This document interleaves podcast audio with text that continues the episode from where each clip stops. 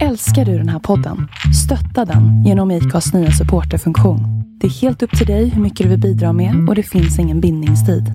Klicka på länken i poddbeskrivningen för att visa din uppskattning och stötta podden.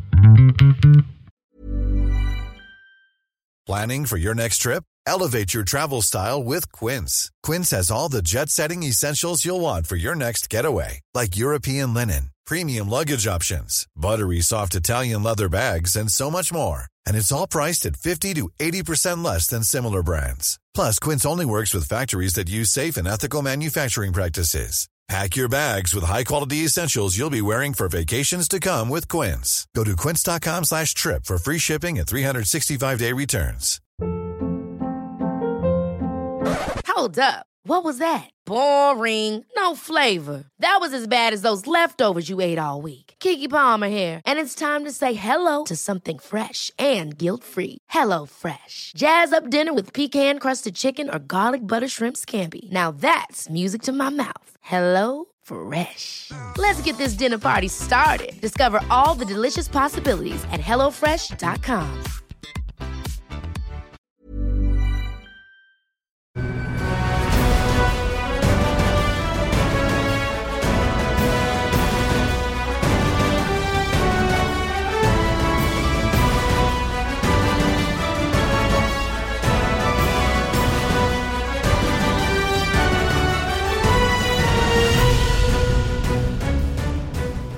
Hej och eh, välkomna tillbaka till eh, MotoGP-podden som har legat i träda lite för länge tycker jag då efter allting som har hänt här de senaste racen. Ja, verkligen. Eh, vi har missat att göra inför två race här nu och det är inte bra. Och jag får ta på mig... Ska jag ta på mig båda kanske? Det är enklare för mig om du gör det. Berätta Ja. hur, du, hur du tänker där. Vi har väl varit lite delaktiga båda Ja, två. Svårt ja. att få ihop tiden. Ja, exakt. Eh, så skulle man kunna säga. Eh, och problemet var ju inför Barcelona där när vi gjorde en podd och den, den försvann här i min... eh, Ja, jag vet inte, i min eh, kunskap med elektronik. Den verkar inte så bra. Jag trodde att jag var bra men tydligen inte. Den försvann i vilket fall som helst. Eh, och sen då inför Assen så var det jag som låg sjuk hela veckan och eh, ja, hade en fruktansvärd hosta så att vi valde ju att inte göra någon inför den och spara lite energi där till helgen men Nu är vi tillbaka med MotoGP-podden med Lion och Mårtensson, äntligen! Ja, och jag tyckte att det var en bra idé där för dig att spara rösten inför racehelg för att eh, dra en hel racehelg själv i sändning, det, det är inte heller, det är inte det lättaste faktiskt. Inte med allting som händer på och runt om banan just nu. Nej, nej. Ehm, Det var lite problem på Assen då, jag fick ju springa ifrån där till och med några minuter mitt, upp, mitt i uppsnacket till MotoGP Nej, det var Jag hoppas inte jag är så sjuk någon mer gång eh, någonsin faktiskt. Det var, det var inte roligt, speciellt inte när den sätter på rösten, det är ju det som och det är det man använder liksom, det är som en snickare utan händer, det funkar sådär Det är instrumentet, exakt. Eh, Jag, eh, ja, jag har svårt att göra det där själv, så att för min del var det bra val i alla fall att skjuta på den här podden till, till nu istället då, inför Sachsenring. Men det har ju hänt Ja. massa sen dess, och eh, lite kort då om, om de två race som var före Assen. Mugello och Barcelona, där var ju faktiskt Lorenzo Eh, den heta föraren, den föraren som, som vi har sett honom förut då han har tagit sina VM-titlar. Verkligen, vi har varit inne i det i sändning givetvis och analyserat vad, vad som har hänt där. Men, men eh, absolut, han är ju verkligen tillbaka i det slaget som han var i senaste åren när han körde i Yamaha. Eh, Riktigt imponerande seger i Mugello, riktigt, in, riktigt imponerande seger även i Barcelona när han, han också tog segerna med flera sekunder. Och Sen hade han kanske en lite tyngre racehelg då om man nu får säga så jämfört med de två senaste då, passen senast Eh, Lyckades inte vara med ordentligt där och utmana riktigt om segern där. Han ledde många varv men det räckte inte hela vägen.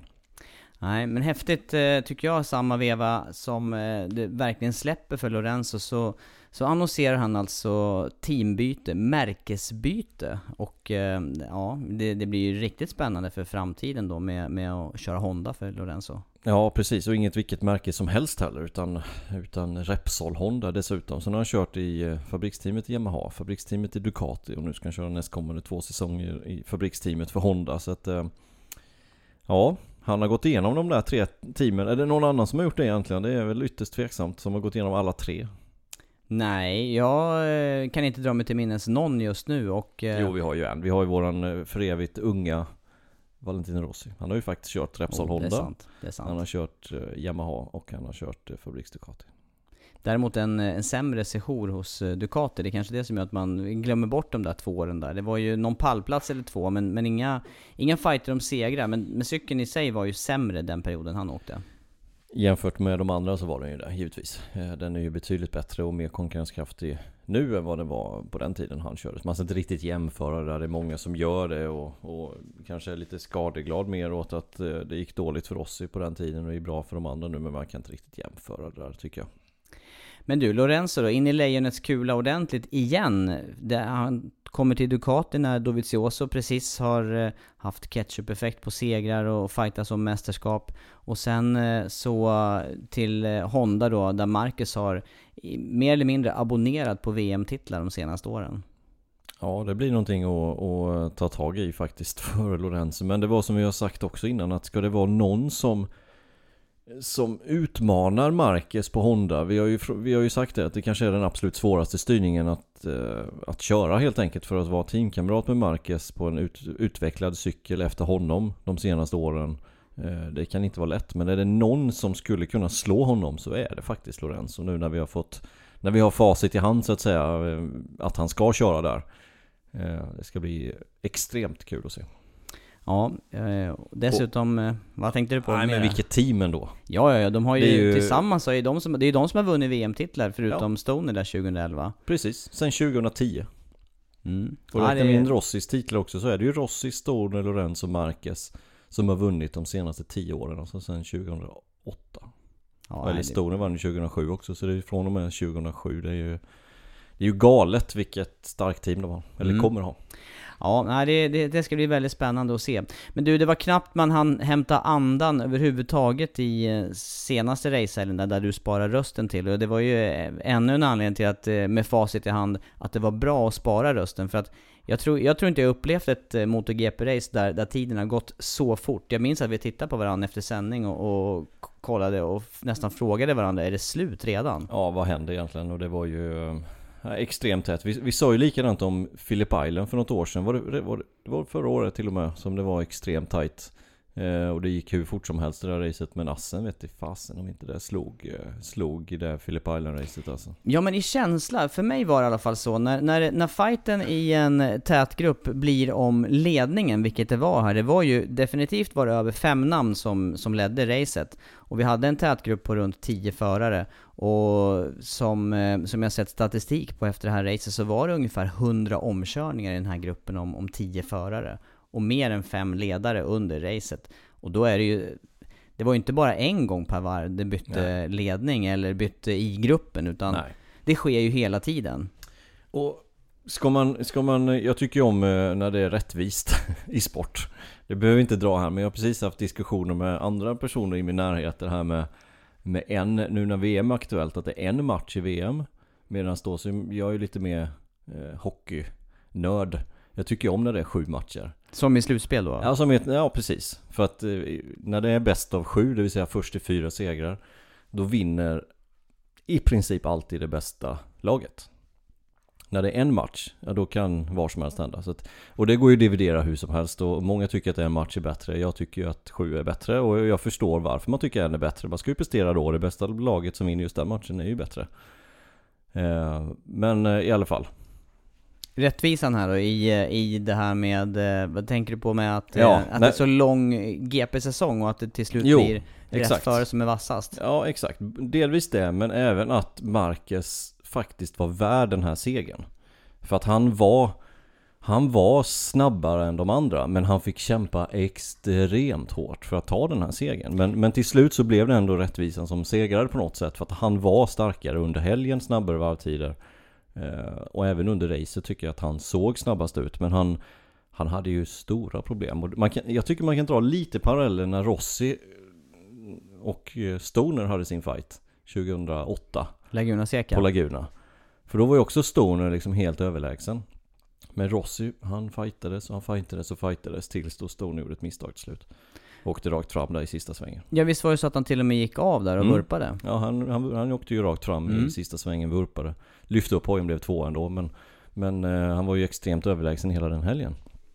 Och så, så var det även här nu, men, men i och med att det var så många som låg som nummer två om man nu får säga så, så kunde inte Marcus komma iväg. Han hade stora problem och det var ju Det var ju så nära att han åkte omkull så att man kan ju knappt komma närmare. Du tänker där på sammanstötningen med eh, Rins, kurva 5? Ja exakt, och de var ju faktiskt ihop där och hans kopplingsgrepp var ju helt åt eh, fanders. Jag har ju hört någon intervju med honom efteråt där och, och han fick vika tillbaka det. Tappade, tappade båda fotpinnarna och Ja. ja, ja var, ju- alltså fästet, för, han Exakt. tappade fötterna Så det var extremt nära att han vurpade och eh, han fick Han fick verkligen kämpa för den här segern och Sen till slut så, så, så lyckades han vinna. Ja, det var, en, det var en otrolig upplevelse att få vara med i, i jobbsammanhang och, och dessutom tänker jag för, för publiken på plats. Det fanns, ju inte en, det fanns ju inte en tillstymmelse till paus i det här racet. Det var inte så att man gick och köpte en korv och kom tillbaka eller, eller pommes frites och majonnäs som det är på Assen, utan här gällde det att vara superfokuserad. Det var väl, frågan är om man ens kunde hinna med att dricka någonting som man har sett i andra sporter. Nej, nej exakt. Nej, det var, Då hade man eh, missat själva händelserna. Det var extremt eh, tajt och jag är glad att vi fick se det Det får vi alltid göra på TV då men, eh, men så att man inte sitter i publiken för då missar man många sådana omkörningar och, och sådana saker. Ja, ja det var, det var det, det, på något vis så blir man påmind hur eh, privilegierad, eh, i det här fallet då vi är då, som kan arbeta med det och följa det här på närmaste håll. Och samtidigt då så är det ju ingen eh, slump att det är så tätt som du sa där bakom Marcus. Dels har man ett reglemente som har förfinats de här senaste åren tänker jag. Eh, och eh, utjämna de skillnader som är. Och det har ju också lett till att eh, det här var ju ett av de absolut tätaste racen också i topp 15 tidsmässigt, Var det inte tidsdifferensen. till och med det absolut tätaste? Kanske till och med var absolut tätast. Och nu har vi ju sett, alltså topp 10 på den listan har ju varit från denna säsongen eller förra säsongen.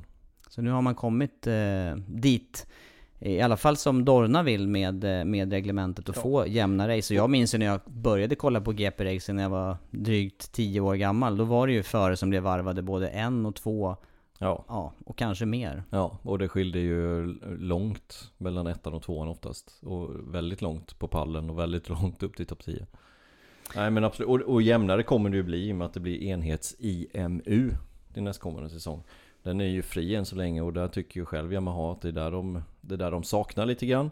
Eh, och när det blir enhet så kommer, tror jag det kommer bli ännu tätare race. Faktiskt. Och det här handlar igen om elektroniken som, som styr själva eh, motorcykeln hur man säger då, eller? Ja, Ja, svårdefinierat. Ja, Inte, inte ECU utan någonting som sitter innan där.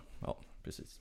Ja, nej men i alla fall så bjuds vi på racing och eh, det är inte vilken racing som helst utan det är den tätaste och, och bästa och jämnaste som jag överhuvudtaget kan, eh, kan dra mig till minnes att, att, eh, att man har sett, eller att jag har sett. Och det här drar ju publik och vi har sett publiksiffror komma och gå lite grann under åren i eh, det här mästerskapet och vi kikade lite grann på, på statistik kring det här och jag hade någon känsla av att Brno kanske var det mest välbesökta racet eh, över hela kalendern, men vi, vi hittade ju någonting annat här Andreas.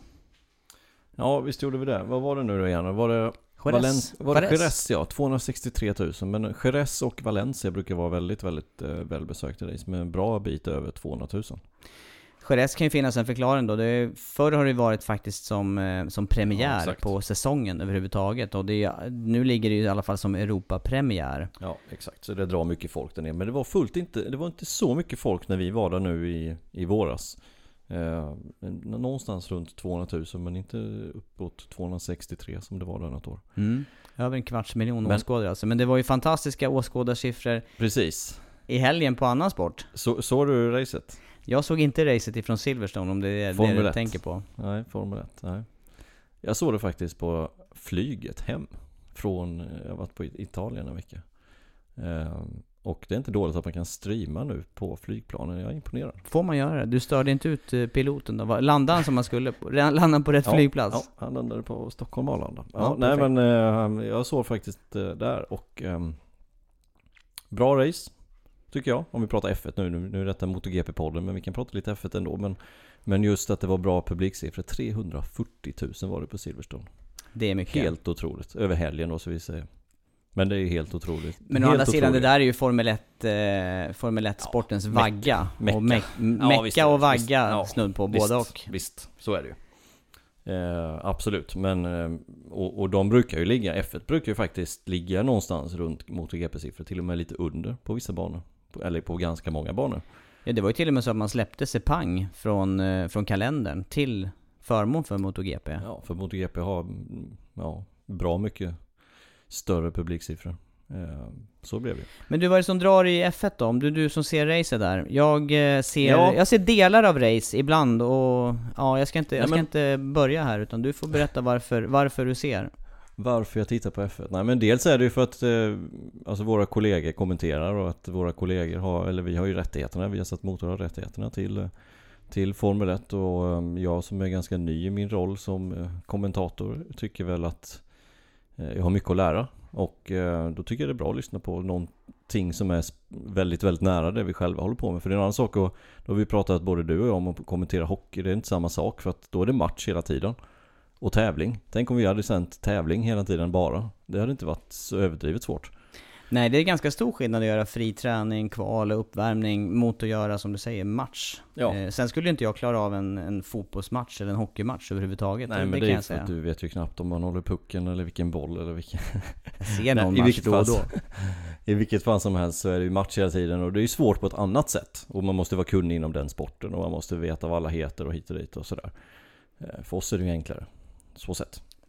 Men det är otroligt, eh, det, det är som du säger där, det finns, jag har jobbat med Janne en säsong i MotoGP, Janne Blomqvist, och fantastiskt år, otroligt lärorikt och det blev ju som en, eh, för mig blev ju det som, en, eh, som ett utbildningsår hela året. Apropå Ja, att se sändningar där. Jag förstår det. Men, men jag tycker även att som racingen är i F1, jag tycker det är ganska kul och som, speciellt som det var nu på Silverstone. Jag tycker det var, det var bra race, det blev tätt. Sen visst, man kan ha diskussioner om att Hamilton då till exempel, han blev avtryckt i kurva 3 på första varvet och han blev tvåa till slut. Eh, Det hade ju inte varit möjligt i ett MotoGP-race på det sättet. Men det är ju Safety Car och sådana saker som, som gör att man kan klättra på det sättet. Men jag tycker att det var, det var bra race. Ehm, men det var det jag tänkte komma till. Just det där med, med bra race. Mm. Vi fick se det i MotoGP. Men är du sån då som tycker om racet eller tycker om MotoGP? Nej, jag tycker om racet. Jag hade ju, jag hade svårt en period eh, där eh, däcken då med Bridgestone-däcken och 800 kubiksreglemente där gjorde att eh, racen eh, var i princip avgjorda efter inledande 1, 2, 3 varven. Sen stod sig de eh, differenserna mellan förarna under, under loppet och det var i princip omöjligt att köra i kapp till exempel. Så att där tyckte jag att jag hade problem och, och Mm. eh, upprätthålla entusiasmen under loppen och det har jag fortfarande ibland när det blir för utdraget. Nu, Ja. nu blir ju inte det lika ofta som förr men då fick man ju, alltså uppleva det på riktigt, det är alltid, det är alltid häftigt och spännande men eh, men just den här, jag är mera för själva racen där och det är kanske därför jag har svårare att se eh, hela Formel Formel ett. 1-lopp. ja. Jag kan se sammandrag, jag kan se delar av loppen och jag kan se ja, och tycka att det är häftigt då. Men framförallt så är det den här ja, tätheten. Jag gillar ju den här andra sporten jag kommenterar också. Speedway tycker jag är fantastiskt spännande bitvis med, med de hit som där förarna är jämna. Det är väldigt snabba beslut hela tiden Mm. som avgör. Ja. Ja, ja, ja. Jag, håller, jag håller ju med givetvis. Det har jag ju sagt flera gånger att det bästa som finns i min värld det är ju när ett race avgörs på sista varvet i sista svängen. Och det har vi ju fått se flertal, tre gånger de senaste ja, en och en halv säsong sen. Så att det, det är klart. Men jag tycker också om Formel 1 på något sätt. Jag, jag kan inte riktigt eh, beskriva det men jag ligger nog någonstans där mittemellan ändå tror jag. Eh, jag tycker om, alltså det är en annan sak om man fightas om en sjätteplats. Det, det, pulsen höjs inte lika mycket för mig på sådana saker. Även fast de kanske har världens race. En klunga om sjätteplatsen och är de tio man där. Där kan det vara otroligt roligt att befinna sig. Som förare kan Det det, vara kan det roligare att vara. ha en, en fight om sjätteplatsen än att, eh, än att åka ensam. Det är klart att det är häftigt att, att vinna ensam. Nu har inte det hänt mig särskilt ofta i min karriär, men, men eh, just Endurance. ja, möjligtvis. Men då vet man ändå inte hur man ligger till. Nej. Nej men absolut. Eh, Men nej, jag tycker om när det är på högsta nivå. eh, Då tycker jag om att det är bra racing. Eh, Men det drar, de här publiksiffrorna som kommer på plats där, vad, vad drar, vad drar publikskarorna tror du? Där? Nej men jag, jag tror att de som tycker om Formel 1, de, de tycker inte om... Eller det är klart att de gör det också. Men huvudsakligen så drar det inte just det här att det är riktigt bra race utan det är mer eh, Atmosfären ja, kanske? skulle jag vilja säga. Precis. Och jag ligger nog någonstans där mittemellan. Jag tycker om extremt bra race men jag tycker även om liksom atmosfären och, eh, och sådana saker. Som till exempel, hade man bara tyckt om bra race, då hade man ju följt slaviskt British Superbike till exempel. Ja. Eh, och jag har inte sett en sekund ifrån British Superbike. Överdrivet, jo jag har sett lite. Men, men eh, Bradley Ray heter han så? Mm. Brad Ray. Och Leon Haslam. Det, det, det drar inte lika mycket som Marcus och Rossi. Nej. Det gör inte det. Nej, jag håller med. Även fast det är bra race. Säkert superbra race. Och det är samma sak i Superbike-VM nu också. Det, det, är lite Rea show. Det senaste var det jättebra race mellan Rea och, och van der Mark.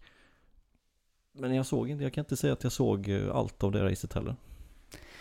Nej. Nej, men hur som helst, eh, publiksiffrorna de, eh, de eh, fluktuerar ju. Det går upp och ner och vad jag vet också de senaste åren så har det varit kanske färre i publiken som har stannat också hela racehelger. Nu pratar jag tillbaka till MotoGP där då. Men det är också någonting som, som jag tänker att man kan bygga på som arrangör med sidoevent och annat. Ett av de eventen som drar mycket publik eh, årligen, det är ju faktiskt på Le Mans i Frankrike. Där, mm. där det finns eh, en hel del under helgen som... Eh, ja, fransmän är bra på det här med, med eh, till exempel stuntshower och det är eh, förare på scen och förare tillgängliga under helgen och det, ja, det är mycket som händer runt banan helt enkelt. Ja, det är ett bra event att vara på också. Tycker jag. Vi var ju där förra året och det var ju Första gången för mig på Le Mans, då har jag varit där 35 gånger men, men för mig var det första gången och alltid kul att uppleva nya banor och ny atmosfär och det var ju väldigt bra atmosfär just där. Men vad säger du om publikreaktioner då? För eh, efter Assen, som, som i mina ögon var kanske det bästa racet i, i MotoGP som, som jag har sett. Ja. Eh, eh så hör man ändå lite både blandat jubel men även en del burop. Och det här, jag kopplar ihop det här med Rossi och Marquez Eh, duell i Malaysia för ett par år sedan. Ja men så är det ju. Eh, Marcus är ju väldigt bra omtyckt av vissa men väldigt eh, illa omtyckt av många också. Eh, och det har ju att göra med just den incidenten 2015 men även den som väcktes till liv i Argentina. Eh, och just burop, det är jag fullkomligt hatar om jag ska vara helt ärlig. Det, det hör inte till överhuvudtaget. Nej, jag är på samma linje där och jag tycker det har ju varit en grej som har, eh, som har genomsyrat den här sporten i alla år jag har sett och följt det både på TV och på riktigt. Eh, att man eh, inte ser den typen utav tjafs mellan olika fans och, och, bråk och värre än så. Det har aldrig varit så. Utan de flesta som går och tittar har uppskattat bra race oavsett vem som har vunnit. Ja, nu, nu, tror jag inte att det är bråk i och för sig så mellan fans. Det har jag svårt att se. Det är ingenting jag har hört någonting om i alla fall. Men just de här buropen, det, det kan man ju verkligen diskutera. Men jag tycker ändå att vi var på plats nu, inte senast, men vi var på plats i Barcelona senast. Eh, inte Assen, men Barcelona. Och eh, tycker ändå att det har blivit bättre. För att eh, jag tog av mig lurarna, vi kommenterar ju samtidigt som det, men jag tog av mig lurarna lite, öppnade dörren och, och liksom lyssnade ut egentligen hur det låter. Och tycker det var lika mycket jubel men mindre eh, burop. Då, då delar de prispallen dessutom, de här två som vi pratar om här nu, 93an och 46an. Eh, jag tycker det blir bättre. Jag tycker faktiskt det. Och eh, det är kul att det är så, att de lägger ner det här buandet. hoppas att det tonar ut. Ja, jag känner också att det är, man, man får uppskatta den eh, racing som bjuds. För att bättre än så här, det, det har det inte varit i nej men, mina ögon. Nej men ta bort, ta bort vem utav dem du vill. Ta bort 46 eller ta bort 93, det blir inte samma sak. Nej, alla behövs. Och det, ja. särskilt dem. Särskilt dem, ja. Det är de som gör att det verkligen på ett sätt händer någonting i den här sporten. Ja men det ser ju vi som är på plats med jämna mellanrum också att eh, tittar man på publikintresset runt de här två förarna så, så är ju de som, det är de som drar den större ja, delen. Rossi absolut flest. Och, och sen Givet. är det Marquez. Ja, och, och Lorenzo. Skulle jag påstå. Det är Marquez och Lorenzo. Och ehm, på något sätt så buntar man ju samman de två. Och, och är man inte Rossi-fan då, då ja, då, då, tycker man om de två. Så att, eh, ja, jag såg lite på sociala medier faktiskt här nu inför, om det var inför förra racet eller något sådär. Att, eh, något race då var vi Rossi-fan. Och nästa race då var vi Marquez-fan. Vi har inte varit Lorenzo-fan än Nej, inte än har vi inte varit det. Nej. Det är konstigt för att jag håller ju faktiskt på... Nej. Nej jag bara skojar. Men jag är ganska neutral. Jag höll på en förare faktiskt förr i tiden. Eh, och det var Casey Stoner. Ja. Ja. Men eh, nu är det så länge sedan han la av så jag tycker att nu är det Nu, nu kan jag säga det att jag var en lite stoner fan. Jag tyckte om hans eh, Tyckte om hans körning. Och Ja. lite approach också faktiskt. Men alltså jag, för mig växlar det här lite grann. Jag tycker att det är häftigt med, med och, och, och kul om Rossi vinner för att han har hållit på så länge. Ja. Och det är så extremt tuff sport att vara på toppen i så många år. Sen gillar jag Marcus för hans körstil och jag gillar han för hans eh, vilja att alltid ta sig framåt och Ja. inte släppa till. Men sen kommer det sådana tillfällen som eh, Mugello. Förra året var det som Lorenzo vann där också, eller hur? Eller var det två nej, år sedan? Nej, förra året var det ju Dovizioso som vann på Mugello. Var det två år sedan då? Var, när var fighten där mellan eh, Ja, det var två år sedan. Lorenzo Sist- sista och eh, året. Marquez? Sista året på Yamaha där när Ja. Lorenzo accelererade sig förbi. Och då tänkte jag, wow, vilken förare, Lorenzo där, som, Ja. som gör de här omkörningarna. Så att, för mig, så mig, för mig så växlar det lite grann, men, men i tradi, traditionellt så har, det, så har det mer varit de här spektakulära förarna. Jag har gillat eh, eh, Norik Abe och Haga och Kevin Schwantz och de här som gör lite, lite udda grejer. Kanske inte alltid kommer i mål, men som, eh, som verkligen Som kör över. allt. Ja, som ger allt Ja. i alla lägen. Nej, jag kan villigt erkänna att jag håller inte på någon heller. Jag tycker om bra race, det har vi varit inne på. Eh, Jag tycker om när det är tätt och eh, när någon gör någonting. Jag, jag tycker det är bra med lite kontrovers också, det tycker jag är kul. Jag tycker det är kul när det fightas lite, munhuggs lite. Men Man behöver inte vara bästa vänner. Det, Nej. Det, så är det verkligen. Nej, det, går, och- det verkar ju inte gå att vara bästa vänner på den här nivån. Nej, och, och det vet jag själv från min aktiva karriär själv i SM till exempel. Jag är inte, jag är inte speciellt god vän med de som jag körde mot där. Utan det var mina kombatanter. Sen kan man ju, kan man ju se det på två olika sätt. Men jag var inte i depån för att skaffa vänner liksom på det sättet. Och det är ju inte de heller. Och, och verkligen inte de. Nej, nej, de på, i MotoGP nu, nej. Det är nej, ju- Nej. Det är ju extremt mycket, inte bara prestige utan även mycket pengar inblandat i, i MotoGP. Ja, visst är det det. Eh, och eh, jag ville bara komma in på en grej till här ihop med eh, den här jämna racingen. Du, jäm, du nämnde ECU och eh, IMU, det här som eh, styr eh, själva mjukvarusystemet på motorcyklarna och styr elektroniken. Ja. Eh, däcken också med, har ju, det nämnde jag här också tidigare nu med, med Bridgestone tidigare som var kanske allt för eh, förutsägbara. Nu har vi en annan däckstillverkare som eh, dels förser förarna med flera olika blandningar, men som också har visat sig vara eh, lite svårare att förutse hur eh, Ja, det har väl varit kvalitetsproblem, så kan man väl säga ibland. Det har det varit, definitivt. Det Men, men det var inte har- det jag var ute efter här. Men egentligen så, de här däcken och däcksreglementet har ju också bidragit till den här jämna racingen. Ja, det är verkligen, verkligen är det så. Tre gummiblandningar istället för två som vi hade för något år sedan. Eh, och så då Michelin. Eller vad, vad säger man på franska? Michelin? Michelin. Michelin? Ja. Pneu Michelin. Vet du vad han heter, gubben där då? Den här runda? Taramasso. Nej, jag tänkte på... jag tänkte på... Han kanske inte är rund ens. Nej, jag tänkte, nej precis. Jag tänkte på eh, den eh, som är, Ja, jag. symboliserar Bo- Michelin. Bo- Nej, det var någon sån där. Bibendum. B- Ja, det var B i alla fall. Ja, Du ser. Ja. Du sa faktiskt På svenska. Men visst, visst, visst heter han Taramasso? Tiramasso? Piero Taramasso, ja, Ja, stämmer, stämmer. Så så långt bort var jag inte då. Nej. Nej. och tidigare var det Nicolas Gobert. Just det, men han, är- han jobbar ju med Motor E Mm, det inte stämmer, så? Nu för tiden för. En annan sak där. Jag vet att du efterlyser någonting dock, och, och ibland så tycker jag också Ja. att, det, att eh, det blir lite oklart eh, vilka däck som Michelin har med sig till respektive racehelg. För att vi får de här tre blandningarna i grafiken, det är hårt, det är medium och det är mjukt. Och sen, sen, Ja. sen stannar det där. Sen stannar det där, och det är ju för den racehelgen. Eh, så ett mediumdäck på Saxering kommer ju inte vara samma som ett mediumdäck på Assen. Eh, vilket är ganska naturligt i och med att eh, Saxering som kom upp nu i nästa race, det svänger bara vänster i princip. Det är tre högersvängar. Eh, så man kan inte använda samma däck. Men, men fortfarande så skulle jag vilja ha reda på vilka däck som man använder. För att vissa däck passar en viss förare bättre och sämre. Det såg vi inte minst den här extremt jämna säsongen 2015 mellan, mellan Lorenzo och Rossi. Där kunde man nästan se innan racet att nej, det här racet kommer inte Lorenzo vara med för att då var det ett framdäck som inte passade honom med det edge grippet som han vill ha. Eh, och ett annat race kunde man säga, ja men nu är hans favoritdäck med, nu kommer han bli superfarlig. Det kunde man nästan se, det är inte kul när man kan se det heller, det är inte så att påstå, men, men man vill kunna analysera läget. I alla fall jag vill göra det. Eh, vad tycker du? Ja, jag håller med dig för att eh, annars så är det ju, annars blir det så subjektivt där. Det blir ju bara, de här tre blandningarna blir ju bara i förhållande till varandra och till den eh, racehelgen. Och det är inte ens säkert det. För att vi såg något racen när, när det hårda bakdäcket, tror jag det var. Då, nej, framdäcket var det, hårda framdäcket. Då var det mjukare på vänster sida. Det var en bana som gick åt höger, om det var Mugello eller vilken det var. Men då var det däcket mjukare på vänster sida och hårdare på höger, precis som det ska vara. Men gummiblandningen på vänster sida var mjukare än mediumdäcket. Vilket gjorde att man inte kunde köra på det däcket för att det var alldeles för mjukt åt vänster.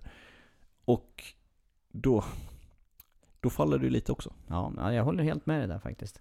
Och eh, jag tror som förare också, jag vet inte riktigt hur, hur, hur skulle du ställa dig om det var eh, tre eh, identiska däck, alltså de här mjuka, medium och eh, hårda blandningarna, om de var likadana hela säsongen då? Vad, vad skulle det göra? Nej, alltså det, det, jag tror inte det funkar heller. Det är det som är grejen. Däremot eh, jag tycker att det är bra att man har olika däck på olika banor just på grund av att banorna skiljer sig så pass mycket åt och vilken asfalt det är och vilken årstid man kör på och vilken kontinent man kör på och så vidare. Så, så det är bra. Och just att de bedömer det själva det är, ju, det är ju för publiken helt enkelt att det ska bli enklare att förstå vilket det är. Eh, men jag hade ändå velat veta exakt vilket däck det är och det är ingenting som de kommunicerar och det är ingenting vi som journalister kan få, få ta del av den informationen utan det vet förarna och teamen. Eh, det är de enda som vet det. Och Michelin. Eh, och för att komma tillbaka lite där i F1 om vi nu pratar det. så lyssnade jag på deras podd här, Jannes och, och Eriks för ett tag sedan och då var de inne just på det här. För.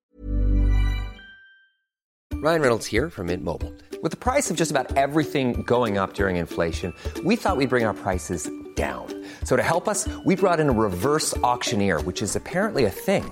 Mint Mobile unlimited premium wireless. Have to get 30, 30, bit to get 30, bit to get 20, 20, 20, bit to get 20, 20, bit to get 15, 15, 15, 15 just 15 bucks a month. So, Give it a try at mintmobile.com/switch. slash $45 up front for 3 months plus taxes and fees. Promo for new customers for limited time. Unlimited more than 40 gigabytes per month slows. Full terms at mintmobile.com.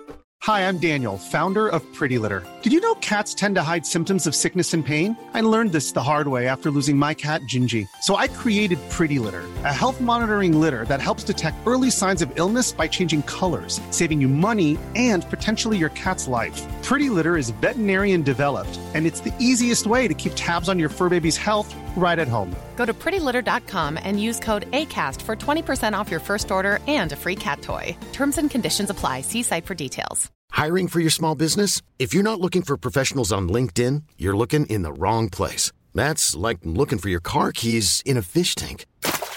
LinkedIn helps you hire professionals you can't find anywhere else, even those who aren't actively searching for a new job but might be open to the perfect role. In a given month, over 70% of LinkedIn users don't even visit other leading job sites. So start looking in the right place. With LinkedIn, you can hire professionals like a professional. Post your free job on linkedin.com slash achieve today.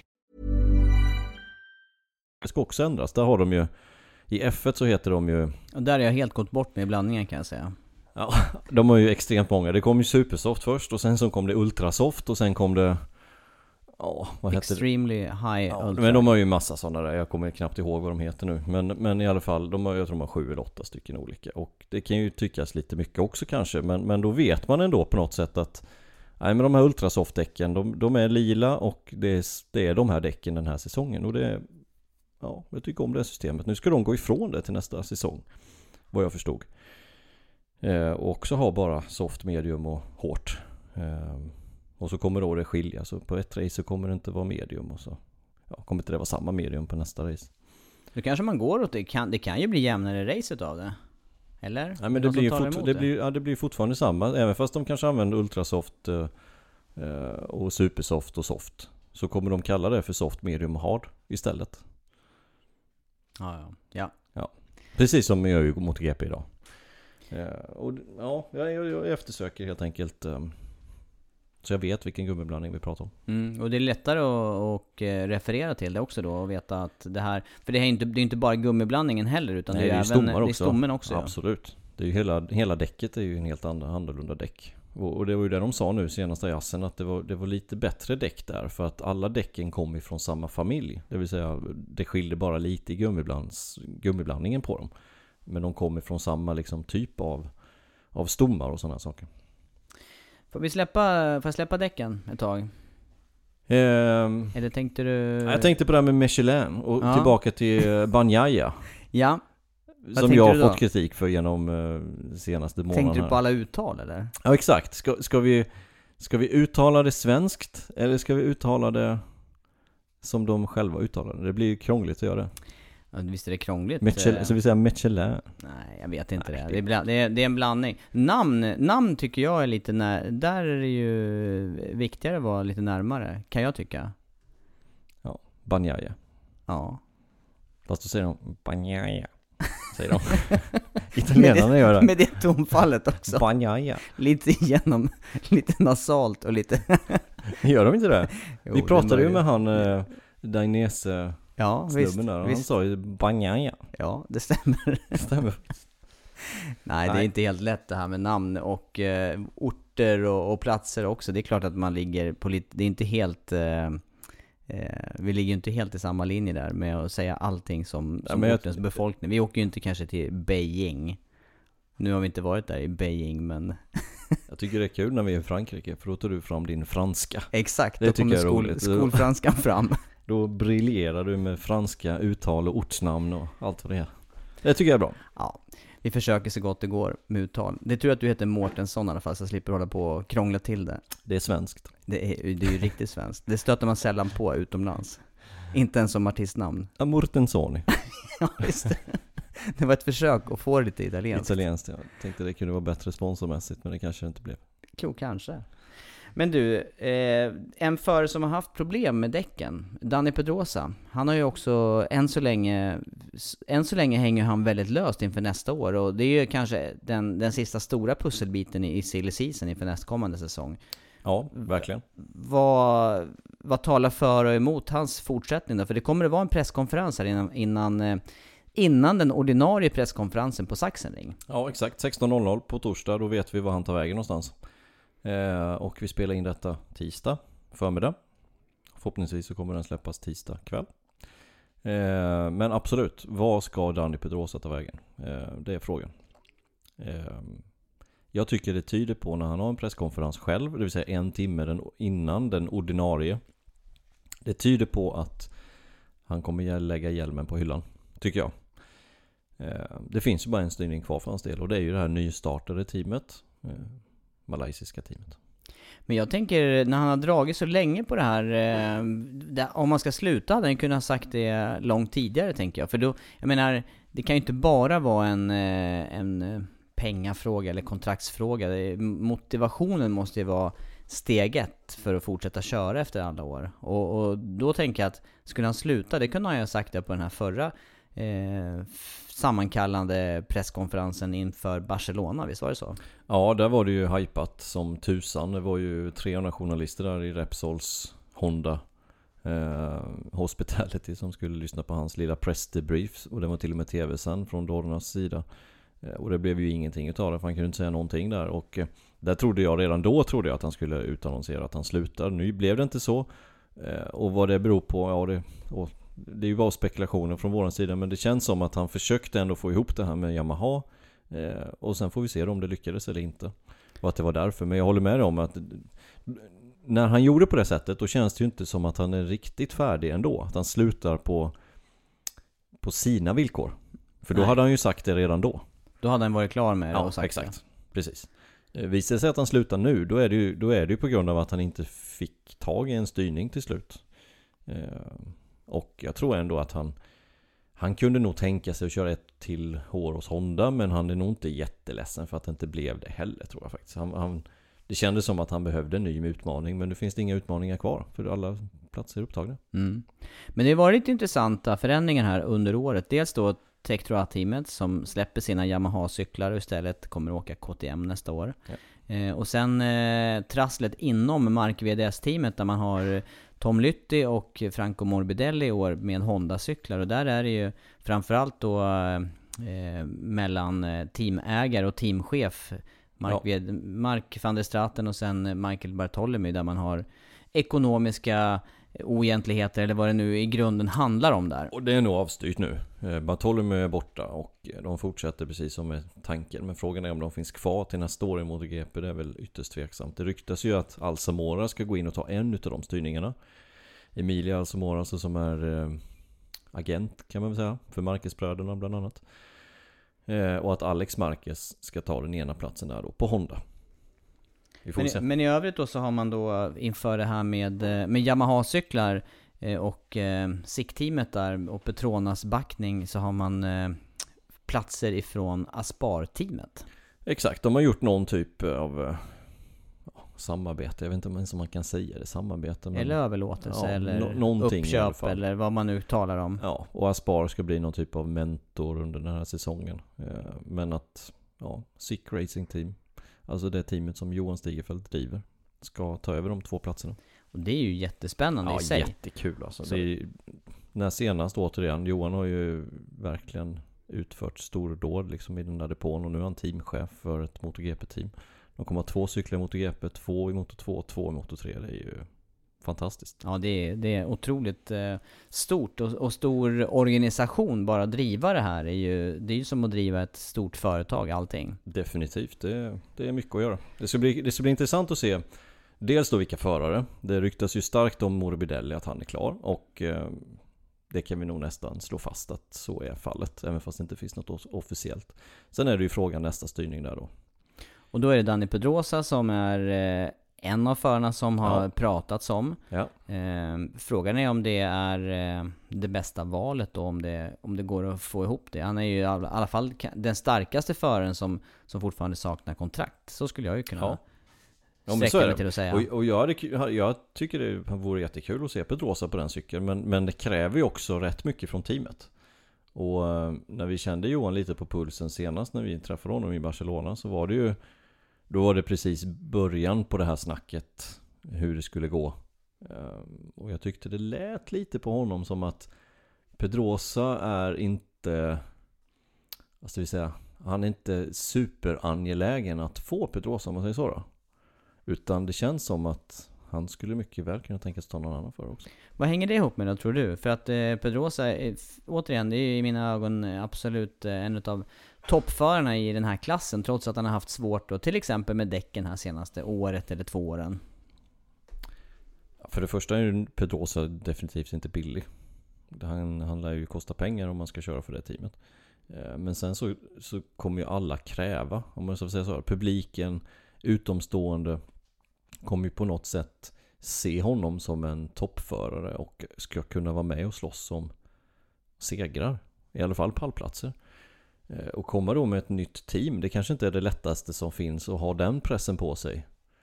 Eh, och, och liksom prestera åt Pedrosa så att Pedrosa kan prestera på sin nivå. Det, det, det är nog säkert inte superenkelt. Skulle jag gissa på. Nej, det kan, det kan mycket väl vara så. Men då ska man å andra sidan hitta en, eh, en förare med eh, tillräckligt bra CV då, eller med tillräckligt stor potential för att, för att fylla den platsen. Eh, Om man nu har Franco Morbidelli som har gjort en säsong i MotoGP, hade det inte varit bra då att fylla på med en erfaren? Ja, eller tvärtom. Varför inte ta en ännu mer rookie? Och, och stoppa in på den styrningen som då kan ta steget vidare till Yamahas fabriksteam. Eh, Att Morbidelli är bra, det är ju givetvis det är ju, det är ju bra i alla aspekter. Han är en utav de som tillhör VR46-akademin, alltså Rossis akademi. Eh, Den är tätt sammansluten med Yamaha bland annat. Och att Morbidelli då kör i, så vi säger juniorteamet. Kan man säga så? Eller satellitteamet åtminstone. De har skrivit tre års kontrakt i alla fall med Mm. Sick Racing. Ja. Eh, Det är ju, det, det, ja, det, det är ju väldigt logiskt så att säga. Så varför inte ta en till för sån? Och det, det finns ju lite olika rykten om, om den andra styrningen. Bautista är ju en, ett rykte. Bautista Pedrosa känns väl som strunt samma kanske. Mm, men Ba- Bautista har ju massa erfarenhet å andra sidan. Det har han ju. Det blir, det blir inte den här, uh, det blir inte den här rookie, Nej, ny, det, det nyförarkänslan. Nej det blir det inte. Det blir det inte. Och sen ryktas ju Smith dit också, eller enligt han själv i alla fall. Att han står next på tur eller ja. Men det är ju som sagt enligt vad han tror. Sen Ja. hur det blir, det vet man aldrig. Eh, och sen så såg jag på någon sociala medier här nu för någon dag sedan att eh, Scott Redding ville också ha den här styrningen. Han är också utan styrning. Han sa det att han, han vill inte ha någon lön, han vill bara ha en konkurrenskraftig motorcykel. Kan man tänka sig. Han har ju faktiskt, eh, då, då kommer han att samla på sig ytterligare ett fabrikat där om, om det skulle bli Redding. Då har han kört eh, fyra fabrikat i MotoGP. Just det. Har inte Bautista gjort det också? Bautista har också åkt massor med Ja visst han varianter. Han har ju åkt Suzuki, han har åkt Honda, nu åker han Ducati och sen har vi åkt Aprilia också. ja, ett år. Det stämmer. Då skulle han... Mm, skulle han Fem femte, fabrikat ja. om det blir Yamaha. Wow. Då är det bara KTM kvar. Ja. Kanske avslutar det här sen, det vet Och man inte. han, Bautista är fortfarande snabb när det, när, Bautista när, är när det lirar. Absolut, han sitter på en hoj som, eh, och ett E-team som inte är tillräckligt konkurrenskraftigt. Eh, Men, eh, men Bautista, definitivt, han är snabb. Absolut. Ja. Men om han är den bästa föraren påtänkt för just den styrningen Det är väl Det får vi vara, låta vara oklart. Vi får reda på detta, troligtvis torsdag Men det är kul att spekulera innan, nu är det ju faktiskt innan, det här är ju inte någon... eh, Nej. här, här kan vi ju, här kan vi faktiskt spekulera fritt. Och har, man, har du något nytt namn då? Någon ny, ny, ny som skulle kunna vara tänkbar för den här Ja. platsen tror du? Ja Vad jag tror, jag, jag läser ju mycket och jag lyssnar mycket Och ett namn till som har ploppat upp och det är väl efter hans senaste två race i Moto 2 Vem kan det vara då? Ja, Banjaya har ju... eh, Banjaya, han har ju, han har ju kontrakt klart. Ja, han tänker jag inte på Ehm, däremot, eh, om Mira har kontrakt klart? Ja, vet, han tänker jag inte heller på Nej. Nu sätter jag dig på Eh, pottkanten. då nu får du tänka, vem Ja, har presterat på bra nivå senaste två racen? En fransman? Ja, eh, Cartararo. Cartararo, Fabio Cartararo. Han vann i Barcelona, han blev tvåa senast passen. Han eh, har det börjat ryktas om. Eh, att han ska i sådana fall ta en sån styrning. Jag tycker nog att det är kanske lite väl Långskott eller lång, långt Ja. att sträcka sig efter. Ja, lite tidigt kanske för hans del. Han har precis börjat prestera nu i Moto 2-klassen. Det är bättre att han fokuserar på att fortsätta prestera där. Jo, för det har ju varit hans lite problem här att skifta mellan Ja. team och inte, Ja. inte ta sig igenom. Ja, men, och ja, det, det går lite fort uppåt liksom för hans Ja. del. Han är väldigt ung fortfarande. Han är inte bara 19 år fortfarande. Eh, Jag tror han är 19, 20 möjligtvis. Så att han skulle behöva någon säsong till skulle jag vilja påstå. Men eh, det är väl långskottet då. Men ska vi ge oss på en gissning där då? Vem tar styrningarna i Sick Racing Team Yamaha till nästkommande säsong? Franco Morbidelli och... Jag säger att eh, det kanske är... Ja, Du jag säger säger, jag säger Pedrosa. Pedrosa. Ja, då säger jag Morbidelli och Bautista. Mm, Får vi se. vi får se. Och jag, jag tippar på att eh, Pedrosa lägger hjälmen på hyllan. Jag hoppas inte det. Men eh, jag tycker att det är mycket som tyder på det. Vi får Så det är bara två dagar bort egentligen tills vi Ah, eh, får veta det här. Mm, det närmar Och sig ordentligt. Vet du vad man kan göra då? När detta tillkännages så kommer vi att lägga ut det på våra nya Instagram som vi har. MotoGP-poddens Instagram. Då är det bara att bevaka det. Jag tycker det. Ni får gå in där. Den är helt nystartad. Ni får gå in där och eh, gilla den sidan. Stödja vårt att- arbete eh, med den här eh, podden. Och jag tyckte att vi, vi kunde inte kommunicera med våra lyssnare på något sätt. Nu har det varit ett avbrott här i två Det var mycket envägskommunikation, eller hur? Ja, ja precis. Men, men sen när vi vi får- väl inte har släppt någon en- podd Nej. så har jag fått Nej, många, har jag fått sant. många frågor om varför det inte har blivit någon podd. Och eh, då tyckte jag att eh, då startar vi en, ett Instagram. Så kan vi lägga ut lite bilder från när vi är on site. Jag har redan pepprat ut några bilder där när vi går runt i pitlane och fotar lite olika hojar och lite sådär. Eh, Men även så kan vi kommunicera lite. Om det skulle vara någonting som ni lyssnare vill ha reda på eller intervjuer eller någonting som ni vill veta och höra. Så hör av er via Instagram. Tyckte jag var bra. Ja, det, är bra. Jag tycker det är lovvärt initiativ av dig. det är utmärkt. Av oss. Ja. Eller? Ja, jo, jo, jo, det är absolut. Jag, eh, jag har ju bara, jag har ju bara visat sig ha, det har ju visat sig bara genom, eh, genom åren att eh, det här med att man tror att tiden fortfarande är obegränsad, men det, den är ju inte det fullt ut. Nej, I alla fall inte, det. i alla fall inte för min del. Nej, men Alla några bilder kan vi faktiskt... Bilder, Ja, det men det är bra. Jag tycker om att ha lite kommunikation. Som sagt, jag har haft kommunikation med med ganska många lyssnare här genom de senaste två veckorna som undrat vad är nästa avsnitt av den här podden? Blivit utskälld ett par gånger att vad fasen, ni får se till att fixa till det här. Och eh, då måste vi ha någon kanal vi kan kommunicera på tyckte jag. Och varför inte en Instagram? Det blir jättebra allting. Och sista programpunkten tänker jag att vi ska kasta oss in i Sachsenring två dagar bort. Då vi förhoppningsvis då får svar på eh, om Danny Pedrosa väljer att lägga hjälmen på hyllan. Eh, vi kanske får svar på ytterligare eh, andra förares eh, fortsatta eh, kontrakt i mästerskapet och eh, framförallt då så får vi också en, eh, en fortsatt eh, värdemätare på förarna i mästerskapet. Det är Marquez som leder fortfarande före Rossi, Vinales och Sarko. Det är alltså Honda och sen är det tre Yamaha före bästa Ducati som är Andrea Dovizioso. Och det är ganska stort hopp också. Det är 41 poängs eh, ledning för Marquez över eh, Rossi. Ja, han fick ju mm, han fick ju eh, ett litet försprång nu efter hans seger senast och gjorde det väldigt bra. Och det är väl någonstans runt den här ledningen som man bör ha efter det övertaget han har haft den här säsongen hittills, kan man tycka.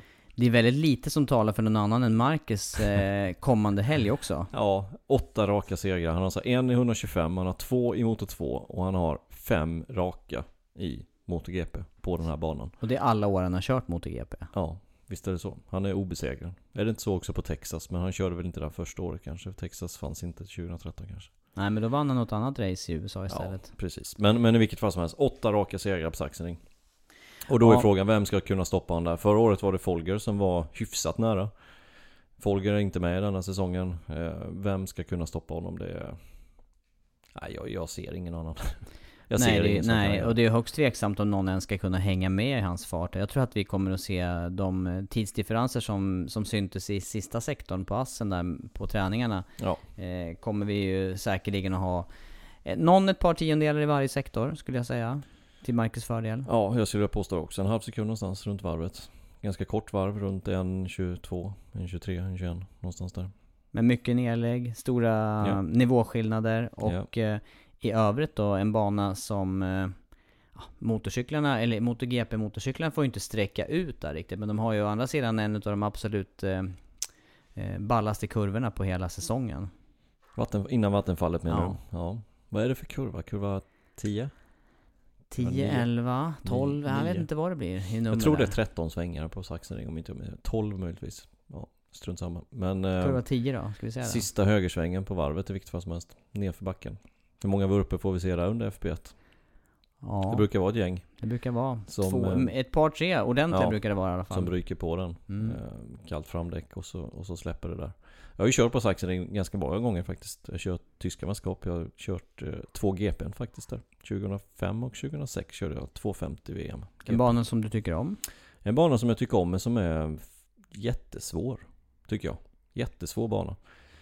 Det är så mycket nedlägg, det är så, så små saker som man måste förbättra hela tiden för att sätta en bra varvtid. Och när man ligger på fullt nedlägg så är det inte så lätt att korrigera spåret. Så att det vill till att man kommer in i, i rätt spår för att hålla det. Eh, och sen måste man lita på framänden och man måste lita på bakänden. Speciellt eh, efter Omega så börjar det uppåt. Alltså i Omega är kurva 3 och sen börjar det uppåt vänster och sen så ska man hitta fäste nerför backen här. Eh, en komplicerad bana att köra riktigt, riktigt fort på. Och speciellt om man har 250 plus hästkrafter. Det är inte det lättare. Fråga mig som har kört eh, BMW Boxer Cup där, med, med, med nedlägg. Var, var, nej, det där var inte lätt. Kan jag säga en av de svårare banorna som jag kommit till. Eh, som, som, ja, jag tyckte den var extremt svår. Ja. Kanske särskilt, kanske lite ihop med, med, den, med det märket där också. De ja, här. det är klart det, att det tog i större delen av varvet. Men, men jag fattar vad du menar där också, just eh, det här partiet där man ska bygga fart eh, genom mm. kurva 4-5 och ner för backen sen. Och, och, där kan man ju också som publik eh, komma väldigt nära förarna och se de här nedläggen som är. Det är verkligen maximala nedlägg där. Ja, det, speciellt i Omega brukar inte det vara svängen som man har mest nedlägg på hela kalendern. Upp mot 62, 63 grader till och med.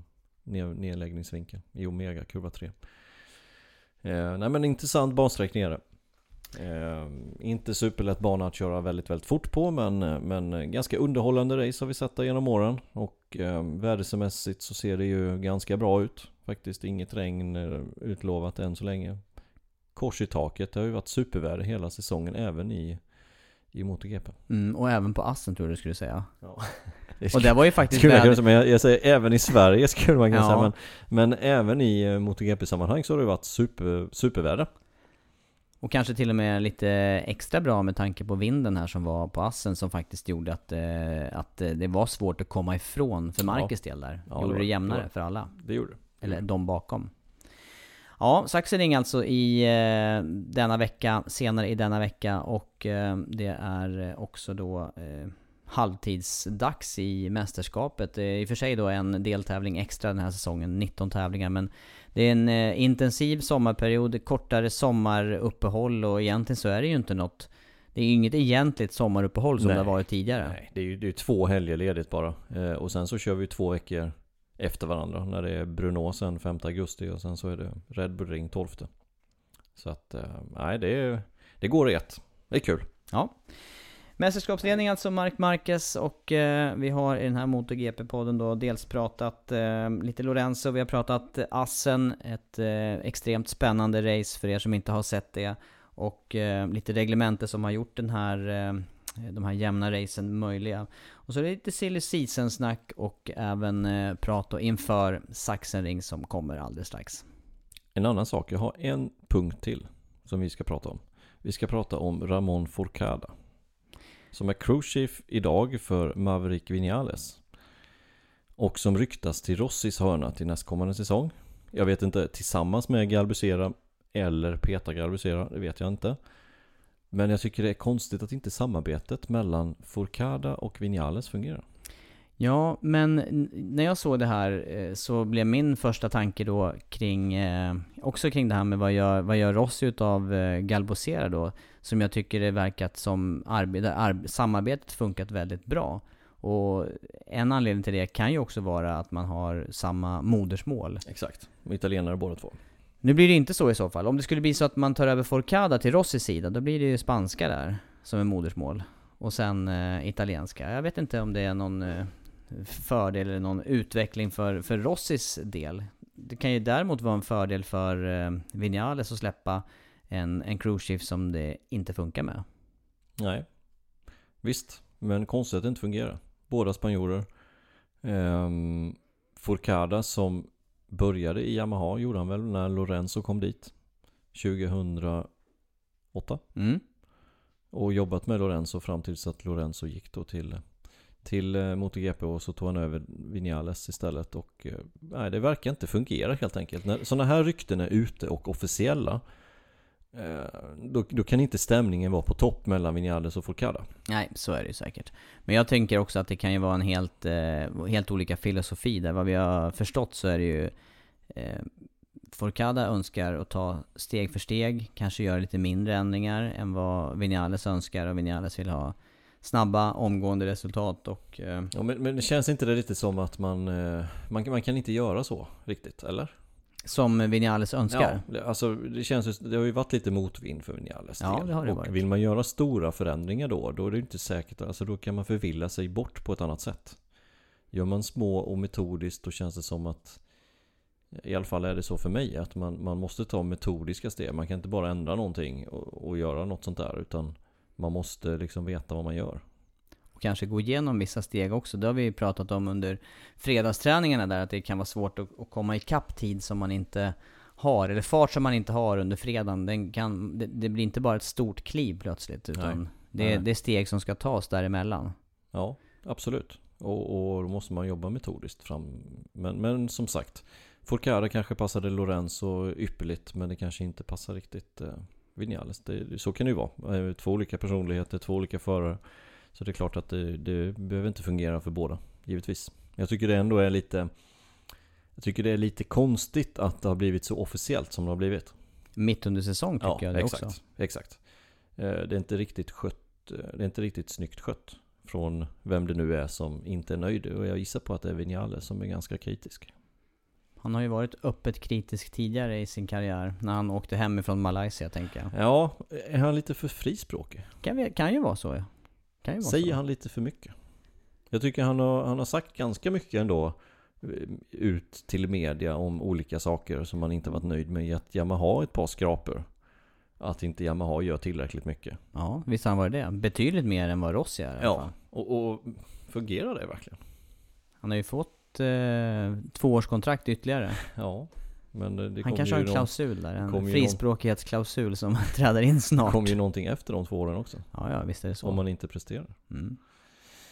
Nej, Ja, lurigt. nej, det är lurigt. inte. Svårt, eh, viktigt samarbete såklart mellan Superviktigt. och Jätteviktigt. förare.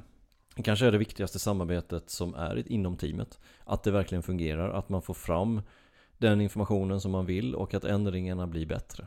För att märker man att det inte händer så mycket med ändringarna, då, då blir man ju frustrerad som förare, givetvis.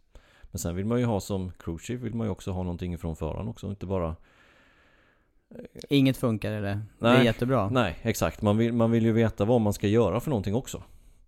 Eh, och det, allting gör ju inte Fourcade eller crewchiefen utan han fördelar ju sen arbetet till olika ja, fjärringstekniker och elektroniken och till däcken och, och sådär givetvis. Så att eh, ja, svårt. Mm. Jättesvårt. Det, Ja. det måste fungera i vilket fall som helst. Ja, vi får se om de här eh, ryktena leder till då att det blir ny eh, crewchief för Vinales. Kanske då delvis för eh, Rossi också, helt eller delvis. Ja, och det är ju den här nu silly season som börjar komma igång just vad teamcheferna och eller rättare sagt crewchief ska ta, ta vägen någonstans. Jag vet att Gabarini ska inte fortsätta för Lorenzo i Honda till nästa kommande säsong till exempel. Så att det är också lite intressant sådana samarbeten. Kanske Fourcade kanske går tillbaka då till Lorenzo och till Honda. Mm. Vem vet? Jag vet Ja. att Lorenzo vill ju ha med sig Fourcade till Ducati. Det blev det inte så.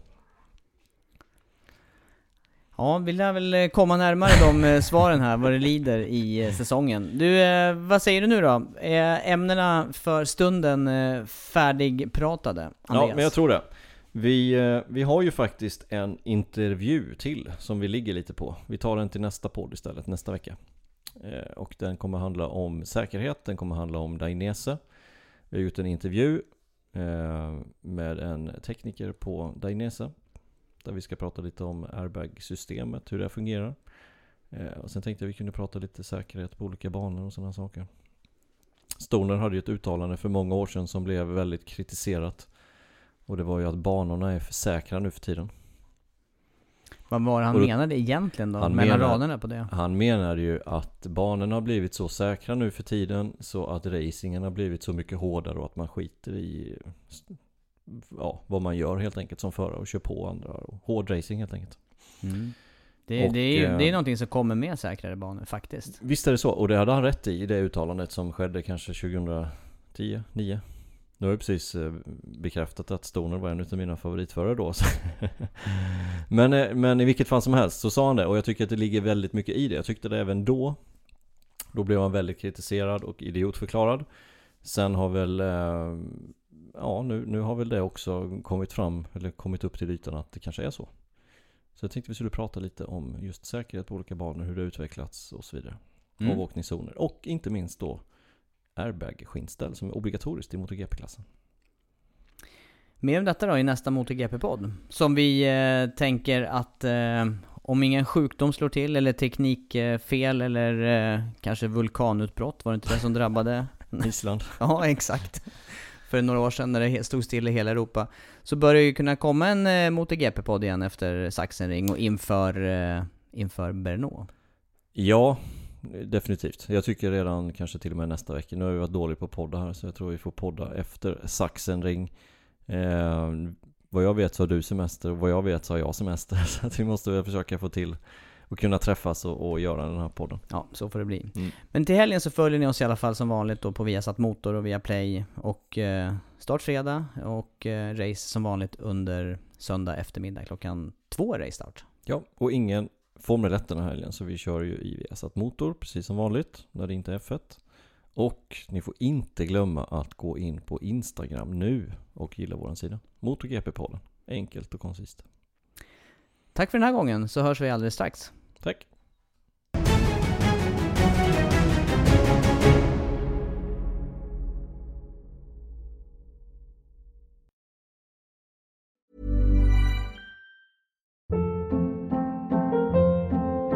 Hold up. What was that? Boring. No flavor. That was as bad as those leftovers you ate all week. Kiki Palmer here, and it's time to say hello to something fresh and guilt-free. Hello Fresh. Jazz up dinner with pecan-crusted chicken or garlic butter shrimp scampi. Now that's music to my mouth. Hello Fresh. Let's get this dinner party started. Discover all the delicious possibilities at hellofresh.com.